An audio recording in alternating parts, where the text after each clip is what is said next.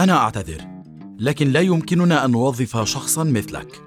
من فضلك اخرج على الفور. أرجوك أرجوك أنا أحتاج هذه الوظيفة.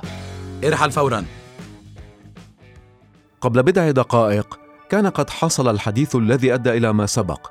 وهنا الحوار إذن عودة في الزمن للإشارة إلى ما حصل قبل أن يطرد عبد. واو! هذا أفضل طبق فيتوتشيني أتذوقه في حياتي. أنت طهوته؟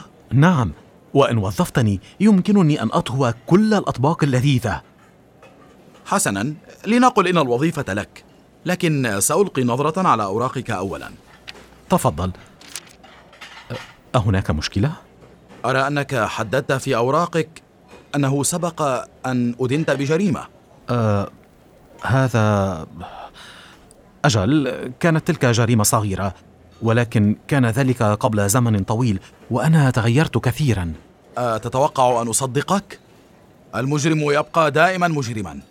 أمثالك لا يتغيرون. لا صدقني أنا أعدك. لا يحكم على الناس من ماضيهم. يمكنهم أن ينضجوا ويتغيروا. توقف عن الهراء. لا نستطيع توظيف أشخاص مثلك. من فضلك أخرج من هنا.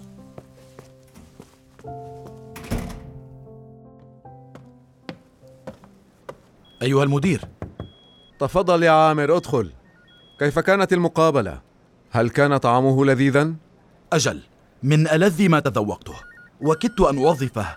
حتى اكتشفت أن لديه سجلا إجراميا. ولهذا طردته. ولكنه كان طاهيا ماهرا. أليس هذا ما يهم؟ إنه مجرم سابق.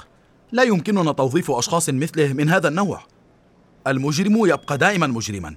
أمثال هذا لا يتغيرون. لا لا لا لا هذا ليس صحيحا. الناس يتغيرون. اسمع قبل فترة طويلة تم القبض علي بتهمة بسيطة وأرسلت إلى السجن. كنت مسؤولا عن طهي الطعام لبقية السجناء لكن لم يكن لدي أي فكرة عن الطبخ. حتى تعرفت على الرجل الذي علمني ما أعرفه ومع الوقت أصبحت حقا طاهيا بارعا. أصبحت بارعا لدرجة أنني حين خرجت من السجن قررت فتح مطعمي الخاص وهذا ما أوصلني إلى ما أنا إليه اليوم. فكما ترى لدي سجل إجرامي لكنني تمكنت من تغيير حياتي للأفضل. واو! لم أكن أعلم هذا. أنا آسف على كل ما قلته سابقا. أشعر بالندم فعلا. لا أصدق كيف عاملت الرجل الذي تقدم للعمل منذ قليل. أتعرف؟ علي فعل شيء ما. كان عبد لا زال جالسا أمام المطعم في الخارج فعاد عامر إليه لكي يحاكيه. اسمع أعتذر على طريقة معاملتي لك. لا بأس. بصراحة وبكل صراحة اعتدت على هذا. أنت محق. لا يجب أن نحكم على الناس بسبب ماضيهم. يمكنهم أن ينضجوا أو يتغيروا. أود اعطائك الوظيفة إذا كنت تريدها. حقا؟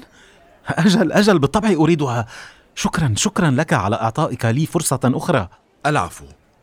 ودعني أعرفك على المدير. عبد لا أصدق أن هذا أنت. قاسم لم أرك منذ سنوات. لحظة. أتعرفان بعضكما؟ أجل بالطبع. هذا هو الرجل الذي أخبرتك عنه. من علمني كيف أطهو؟ لم أكن لأصل لهنا لولاه. شكرا لك يا عبد. لن أنسى معروفك طوال الحياة فأنت غيرت حياتي. بل شكرا لكما على إعطاء هذه الفرصة ستغير حياتي.